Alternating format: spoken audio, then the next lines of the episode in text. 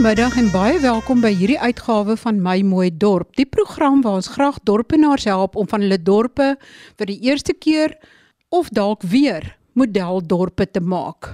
Dit beteken natuurlik dat alle dienste wat gelewer moet word wel gelewer word en dit is in baie dorpe en by baie munisipaliteite 'n eislike probleem in Suid-Afrika. En dit beteken ook dat gemeenskappe moet floreer. Vandag se program is in twee dele. In die eerste gesprek gesels ek met 'n onderwyseres van die eertydse kloosterskool op Kirkwood, St Columkill, wat nou vir die eerste keer 'n klein biblioteek by die skool gevestig het.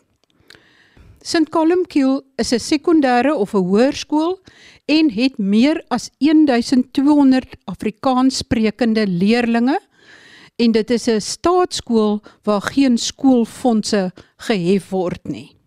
En met min probeer hulle baie doen. En in die tweede deel gesels ek met Dr Erns van Jaarsveld, bekende plantkundige van Babylon Storen oor bome want dit is een van die inleidende gesprekke tot 'n reeks oor straatbome in die land. Maar eers spring ons weg met die gesprek oor die nuwe klein biblioteek by St Columkill op Kirkwood. Ek is nou hier op Kirkwood in die Sondagsriviervallei, hier waar ek groot geword het, en ek sit in die biblioteek, kan julle dit glo, van St Columkill Hoërskool. En by my is die vrou wat verantwoordelik is vir die skep van hierdie baie interessante biblioteek wat propvol boeke is en haar naam is Karin Lombard. Sy is ook die onderwyseres wat klas gee in landbouwetenskappe. Karin, hoe dit gebeur dat jy 'n biblioteek hier ingerig het. Ek sal kortliks verduidelik. Is twee vertrekke, elke liewe muur het boekrakke en in al die rakke is daar reeds boeke in die eerste en in die tweede vertrek en dis netjies gemerk oor watse tipe boeke dit is en is letterlik 'n groot verskeidenheid. Dis alles boeke wat van elders afkom of van skenkings afkom.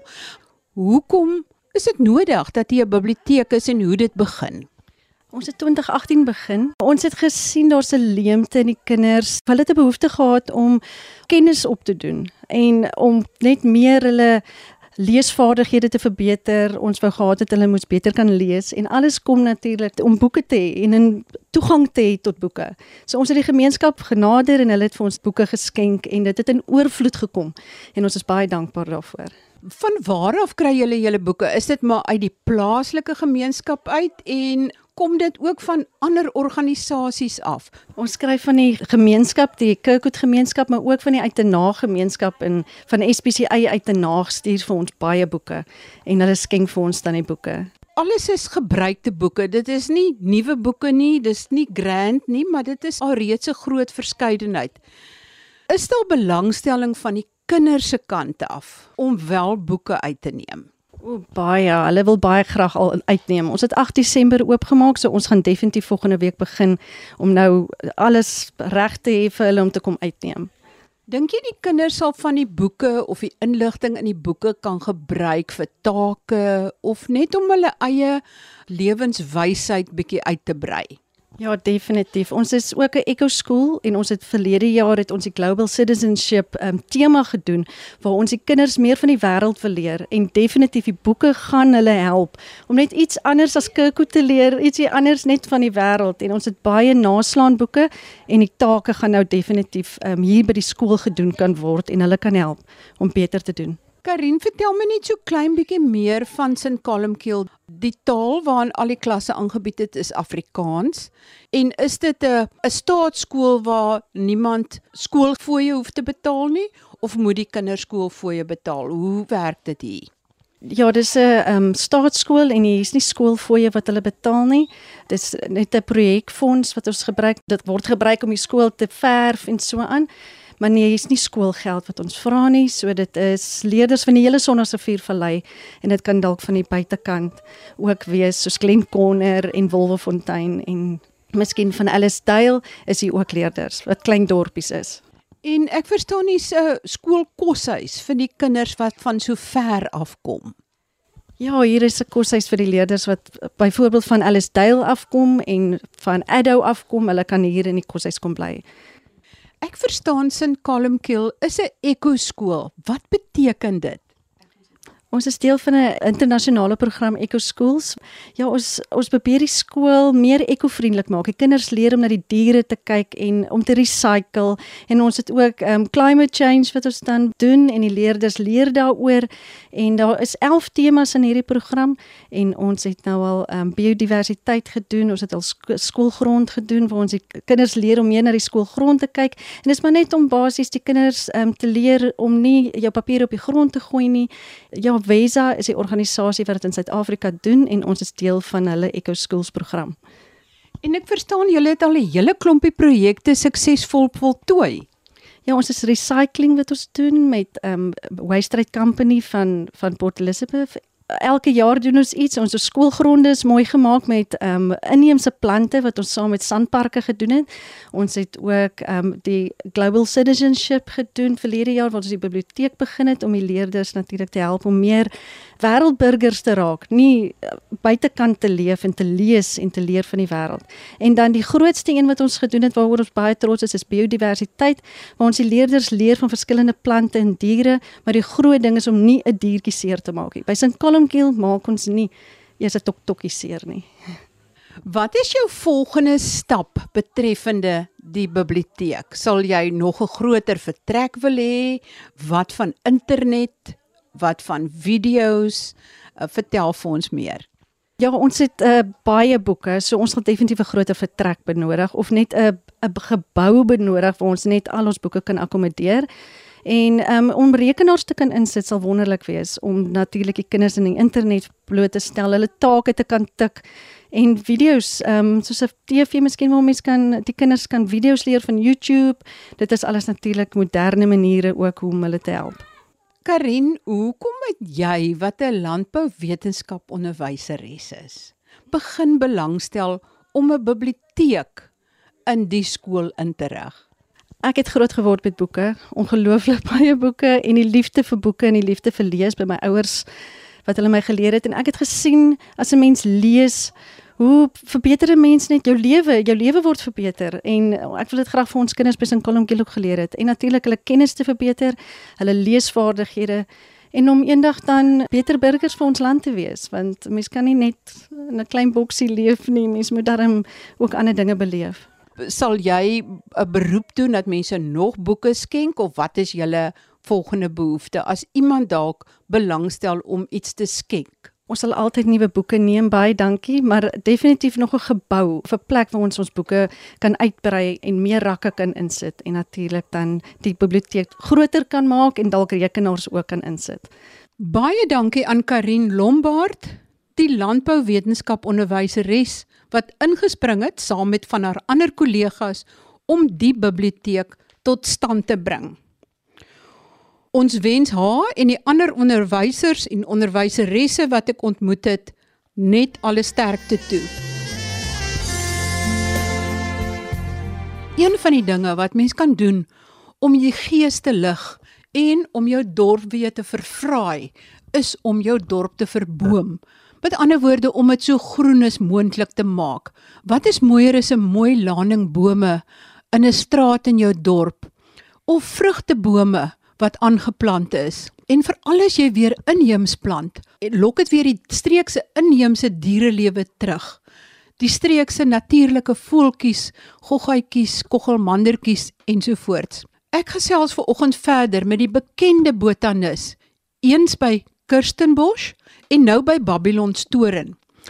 Hy is dokter Erns van Jaarsveld As jy inheems plant, dan hoef jy letterlik net die boom aan die gang te kry vir die eerste jaar of 2 of 3 en daarna groei hy van self verder. Jy moet hom net gefestig kry. Ek sit ver oggend weer onder die huilboerboon boom by Babylon storing en gesels met Erns van Jaarsveld.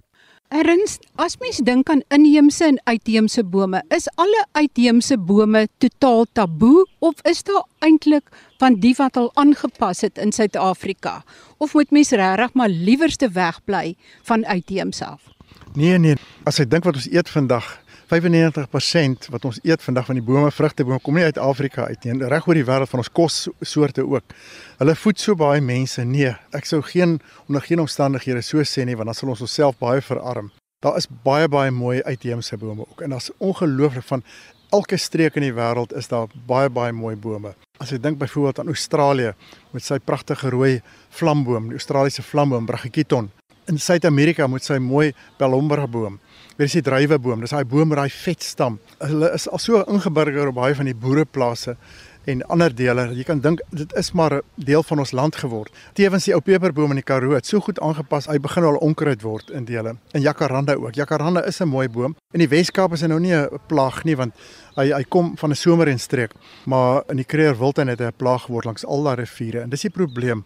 As ons baie van die uitheemse bome inbring, bring ons nie hulle natuurlike vyande in nie. Dan het hulle geen uh, vyande nie en hulle word net meer en meer en hulle kan indringerstatus bereik. So is nie alle bome wat gaan indringers word nie, maar ons het al so groot verklaarde indringerboomlys en dit kos die regering miljoene rande letterlik jaarliks om hierdie bome dan te bestry. Ek dink aan baie van die uitheemse dennebome. Maar interessant is vroeër jare mense het, het nie geweet van bewaring van ekologie af nie.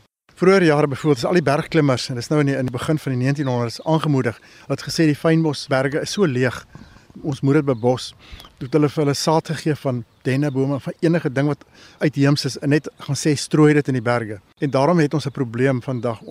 Oral het ons maar uitheemse bome wat ons vandag besig is om te bestry want ons het besef dit is 'n bedreiging vir ons eie inheemse plante. Ek dink byvoorbeeld aan Nakia en ek dink aan die rooi kraans in Port Jackson en daai goed. Kyk, dit het hulle doel gehad. Sir John Montague het baie van hulle ingevoer en daar was 'n goeie rede voor. Die Kaapse vlaktes was 'n probleem geweest. Dit is dik sand. En dan waai daai sand en gekom oor al die paaie. Hulle moes dit toe in toom hou. En hulle toe begin dink, "Waar het ons nog sulke sanderige dele?" En toe gedink, "Wel hier in Australië het ons die Australiese akasies, hulle het nie dorings aan nie. Groei baie vinnig en hulle sal die sand kom bind. So dit was 'n baie goeie suksesverhaal en die sand is toe getem, maar gelukkig het hulle later aan nou weer 'n natuurlike pla ingevoer wat nou weer die rooi pytjie of die rooi krans bome beheer en die Paul Jacksons in plaas van hulle saad vorm vorm baie van hulle galle. So ons het hulle daarom gestuit.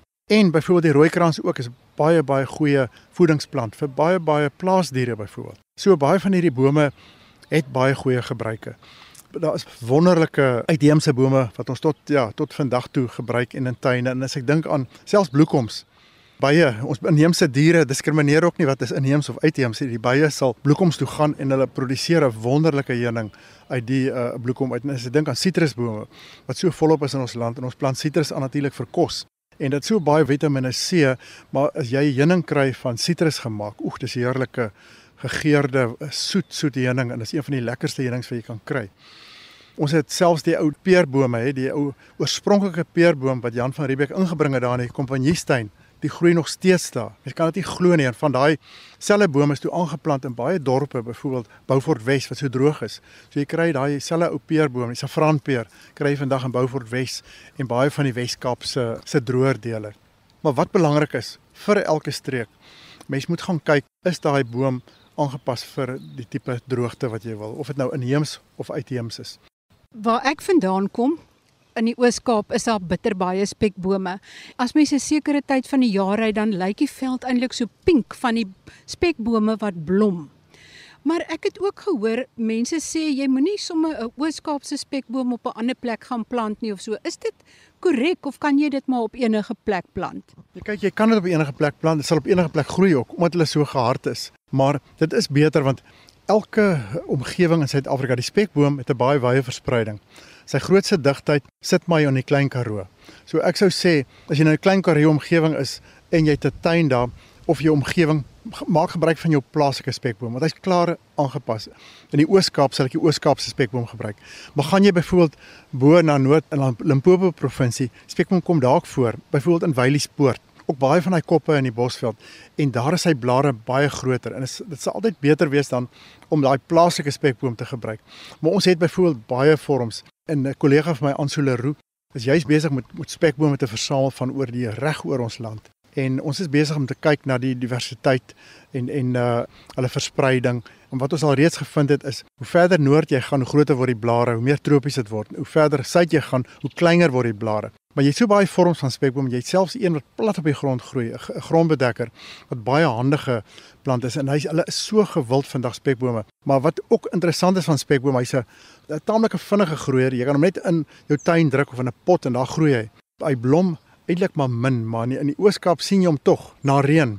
2, 3 weke na reën dan bars hy uit in die mooiste pink van donker tot ligpink jy kry self spierwit vorms ook en ek het een stukkie gekry by iemand ook in, in naby Port Elizabeth van 'n spierwit uh, blommende spekboom. So jy kry variasie in die veld en dis wonderlik hoe baie van ons plante varieer want as 'n ou daai witte sien in die veld jy maak 'n steggie van hom gaan hy wit bly. En as jy donker pink een kry, gaan hy donker pink bly. Op 'n kleiner blaar spekboom gaan altyd sy blaar grootte en vorm behou. So spekboom is baie baie belangrik ekonomies vir ons land en nie net vir boerderye nie, maar ook in ons tuine. Want omdat hy so aangepas is by beweiding, kan jy hom snoei, vorm snoei. So jy kan die mooiste vorms uit hom sny.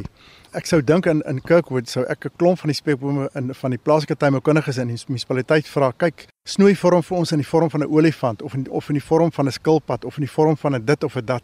Hy, hy is so maklik manipuleerbaar, maar dit maak die mooiste heininge ook vir 'n tuin.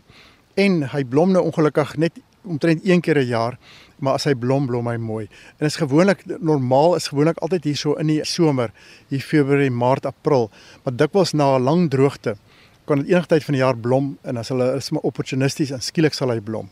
So, dit is iets unieks aan ons land en in iets wat ons definitief uh, moet bewaar en veral die verskillende vorms van die spekboom.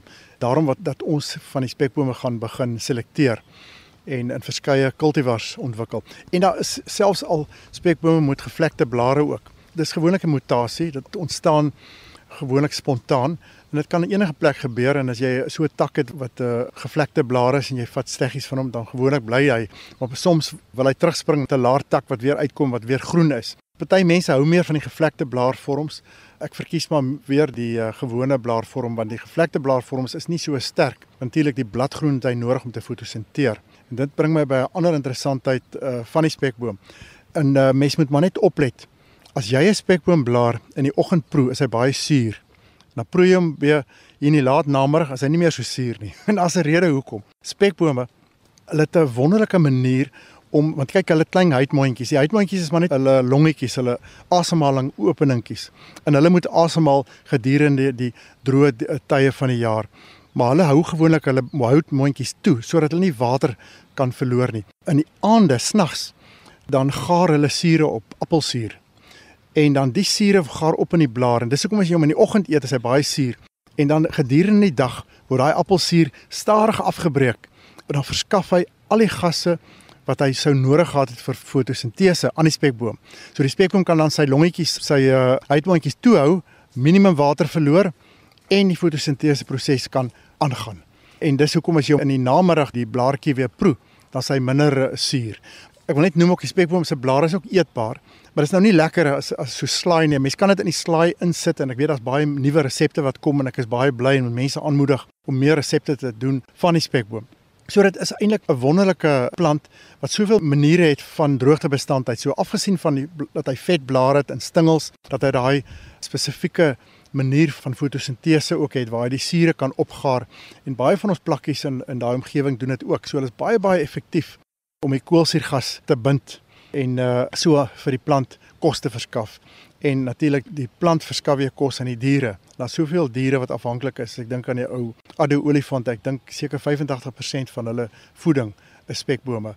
So die plant wil hê die olifant moet hom eet en hulle het al so aangepas by verstoring dat hulle baat daarbey. So hulle draai die negatief dat hulle gevreet word om in iets positiefs. Iets waarby ons mense kan leer as dit swaar gaan, ons moet planne maak.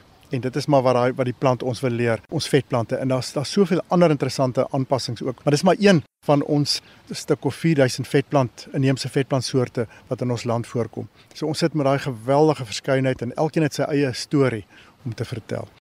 Mens moet dit nie 'n streng reël maak dat 'n mens moet weier om uitheemse plante te maak nie, maar die voordeel as jy plaaslik inheems gebruik, is soveel groter. So gesê het afgesien toerisme aanlok, al die inheemse diere wat gaan kom en ons speel 'n rol in bewaring van ons omgewing. En dan kom al die eh, omgewing se wilde diere weer terug in jou verkleermannetjies en in ander goed ook. Erns, dink jy ons het in Suid-Afrika dit nagelaat om genoeg bome en plante aan te plant in die omgewing of het ons genoeg aangeplant? Was ons bewus genoeg daarvan? Nee, ek dink nie ons was daarvan genoeg bewus nie. En veral nou, ons hoor so baie van klimaatsverandering. Ons kan nie genoeg bome aanplant nie en daarom is ek so bly as mense moet sulke inisiatiewe soos Jan Odendaal ook vorendag kom om bome te plant. Mense moet dink om bome aan te plant by vir elke geleentheid as iemand gebore word of 'n terviering van iets. Ons moet altyd 'n verskoning soek. Ons kan nie genoeg bome aanplant nie. Dit, dit vervraai ons gewing. Dit bied uh, voedsel vir die diere vir soveel as ek dink dink aan die ou heilboerboom, aan suikerbekkies en ander diere, aan meubelhout en ander goed. So 'n boom kan altyd weer herwin word as hy oud en hy val om, dan kan sy hout weer gebruik word vir vuurmaakhout. Bome word vir soveel dinge gebruik, maar die grootste natuurlik is om uh, ons lug te suiwer en om suurstof te produseer en die koolsuurgas weer op te neem en so te bind. In die verlede sou ek sê nee, ons het te min bome geplant, maar ek is bly. Deesdae is daar reg oor die wêreld inisiatiewe wat besig is om plaas te vind, en mense wat begin bome plant. Ons kan nie genoeg aanplant nie waar ook al ons is, plante boom. Ons het so geweldige verskeidenheid bome. Vir elke omgewing of elke klein hoekie is daar 'n boom wat definitief gaan pas. Maar mens moet maar versigtig wees vir bome, byvoorbeeld die willevye met aggressiewe wortels, so om hulle maar net weg van konstruksies aan te plant. Maar die meeste bome gedra hulle daarom in ons tuine en hulle jy hoor maar min van skade maar maar die willevye kan en hulle is hulle is ook wonderlike bome en dit bied kos vir soveel voëls. Jy het altyd 'n groot klomp vrugtevretende voëls in 'n willevyeboom en ons het baie soorte en dit is nie almal wat aggressiewe wortels het nie. Dis maar meer die Ficus burkie. Dis die ou groot ooskusvy uit in die Weskus op sekere plekke sien hom oral opkom in tuine en hy kom uit 'n ander deel maar omdat ons so hoë watertafel het, dis hoekom hy so goed oorleef in die omgewing. Baie van die bome is so maklik. Byvoorbeeld koraalboom jy kan net 'n tak afbreek in die grond druk en dan groei hy. En dieselfde moet byvoorbeeld die witkaree, die Cercia pendulina. Al wat jy moet hom doen is kry 'n groot tak by jou buurman, saag hom af, druk hom in 'n gat en dan gaan hy aan. So baie van die bome kan 'n mens net so van 'n paalsteggie aanplant. En dit is letterlik so maklik. Dis nie almal wat so is en die koraalbome is baie baie mooi. Hulle is bladwisselend en in uh, middelwinter dan produseer hulle daai bloedrooi karmosynrooi blomme en uh, lok baie baie suikerbekkies weer. Ons het die die gewone ou koraalboom wat wat in die noordelike dele van die land voorkom, Erythrina lysistemon, uit die mooi bloedrooi blomme, maar in die Ooskaap het jy meer die oranje rooi, met 'n baie breër blom. En hy's meer aangepas by die kus uh om hom te gebruik, maar enige van daai koraalbome kan 'n mens net van 'n stuk stam indruk. So om terug te keer na jou vraag oor die bome, ons kan nie genoeg bome aanplant vir ons land nie. Ek dink byvoorbeeld ook aan ons pragtige ou geelhout die ou Podocarpus falcatus, die gewone ou kalander. Hy's 'n baie droogtebestande geelhout van al die geelhoutsoorte. Hy's ongelooflike droogtebestand en hy kom in so baie dele voor van ons land. En dan dink ek aan die Wes-Kaap, byvoorbeeld die Breë rivier geelhout. Dit is eintlik 'n uh, die aspoestertjie van die geelhoutbome want die Wes-Kaapse een het mooi valblare en hy word ook genoem die Breë rivier geelhout, Podocarpus elongatus. So 'n verskrikke mooi boom. Hy's ook plaaslik bestand. So ek sou sê in al ons dorpe hier in die Wes-Kaap kon ons gerus meer van die breë rivier geelhout aangepas. Hy's 'n fynbosboom, so waar hy verskil van die ander geelhoutbome. As jy hom afsaag, dan loop hy net uit. Met ander woorde, as jy 'n brand soos 'n brandeffek skep. En dis hoekom hy weer uitloop. Hy's so aangepas by brand. Jy kry hulle baie op pad na Ceres toe. As jy kyk aan die kante van die van al daai stroompies op die berge, sien jy oral van die breë rivier geelhout. Net 'n wye verspreiding tot bo Nieuwoud wil. En dan kom hy uh, voor tot hier in die in die Wes-Kaap. Maar's 'n pragtige boom. Daar's baie mooi voorbeelde by Kersmos ook. So ek sou mense ook aanraai. Ons het soveel botaniese tuine in ons land. Kersmos met sy eh, satelliettuine wat reg oor ons land in in juis Kersmos het spesifiek gebruik gemaak van die satelliettuine wat hulle besef, hulle kan nie alles by Kersmos net aanplant nie. So hulle satelliettuine begin byvoorbeeld bo in Pretoria se tuin en in eh, in Johannesburg 'n satelliettuin, die Walter Sisulu botaniese tuin. En daar's een in Pietermaritzburg. As mense nie weet wat om aan te plant nie, gaan gerus na jou plaaslike eh, Sanbie se botaniese tuine en gaan kyk watter bome hulle aanplant. In in Bloemfontein byvoorbeeld is daar 'n pragtige eh, botaniese tuin en as jy in die Vrystaat is, besoek daai botaniese tuin, gaan praat met hulle tuinboukundiges en jy sal sien die wonderlike bome wat wel in die Vrystaat groei. Ek dink byvoorbeeld aan die blinkblaar waggebietjie, uh, Ziziphus micronata, pragtige boom met sy mooi blink blare en sy sy vruggies is ook eetbaar. Hy's baie doringrig en natuurlik ou kan hom ook gebruik vir 'n heining. Maar dit is 'n baie baie mooi tuinboom, baie baie ryk bestand en dan dink ek ook in karee. Daar's soveel karee boomsoorte. Ek dink die ou gewone karee, die Ruslansia en oral op in, op ons eh, boereplase sal jy hulle sien en in die in die dorpe begin die mense hulle al hoe meer aanplant. En ek sou sê dis beter om 'n kareeboom aan te plant byvoorbeeld as 'n peperboom want die peperbome het begin vervuil in dele soos byvoorbeeld Graafry net en ander dele al langs die riviere langs. En dit is 'n baie mooi boom, maar omdat hy in 'n klimaat soortgelyk van Suid-Afrika in Suid-Amerika en Argentinië voorkom, het ons die bome natuurlik hiernatoe gebring uit geen natuurlike vyande hier nie. Nou begin hy uiteindelik vervuil. Die inheemse diertjies diskrimineer nie, hulle sal sy saad vreet en versprei. En dis dieselfde wat gebeur het met byvoorbeeld Turksvy. Net so 'n heerlike plant in die Oos-Kaap. Ek is mal om onder 'n Turksvyboom te stop as ek sien hy's vol vrug en net van sy vrugte te eet. Gelukkig het hulle hom onder beheer gebring deur Cactoblastis. Dit is natuurlik 'n biologiese beheer want op 'n tyd was Turksvy het hy oorgeneem hier in Australië en hulle toe biologiese beheer ingebring en dit was die antwoord. En in vandag gedraai homself En ek dink byvoorbeeld aan kojawelbome. Die is ook ingebring. Hulle het begin vervuil reg oor die Oos-Kaap. Maar ek dink kojawels ryk aan Vitamiene C verskaf soveel goeie Vitamiene C vir kindertjies in 'n omgewing wat nie altyd genoeg kos het nie. Turksvy en van die kojawels. Natuurlik sou te veel eet en te veel turksvye ook kan 'n mens verstofbok raak. maar dis nogtans baie baie goeie uh, voedsel. So daar is ook die goeie ding by baie van die bome wat vervuil het want hulle verskaf kos. En dit is maar die vernaamste. Vrugtebome het ons geweldig baie in Suid-Afrika, maar ek dink ons het tog 'n paar inheemse vrugtebome soos marula boom vandag amarula produseer word in in ander dele. En marula groei baie baie goed ook. Selfs in woester omgewing het gesien mense met pragtige groot marula bome. Dit is byvoorbeeld 'n voorbeeld van 'n bosveldboom. Maar jy sal 'n omgewing moet plant wat 'n mens net ekstra water kan gee tensy daar 'n hoë watertafel is natuurlik in sy eie waterkanaal. Baie dankie aan Dr. Erns van Jaarsveld, botanis van Babylon Storen vir die interessante inligting. Baie groete van my, Marie Hudson.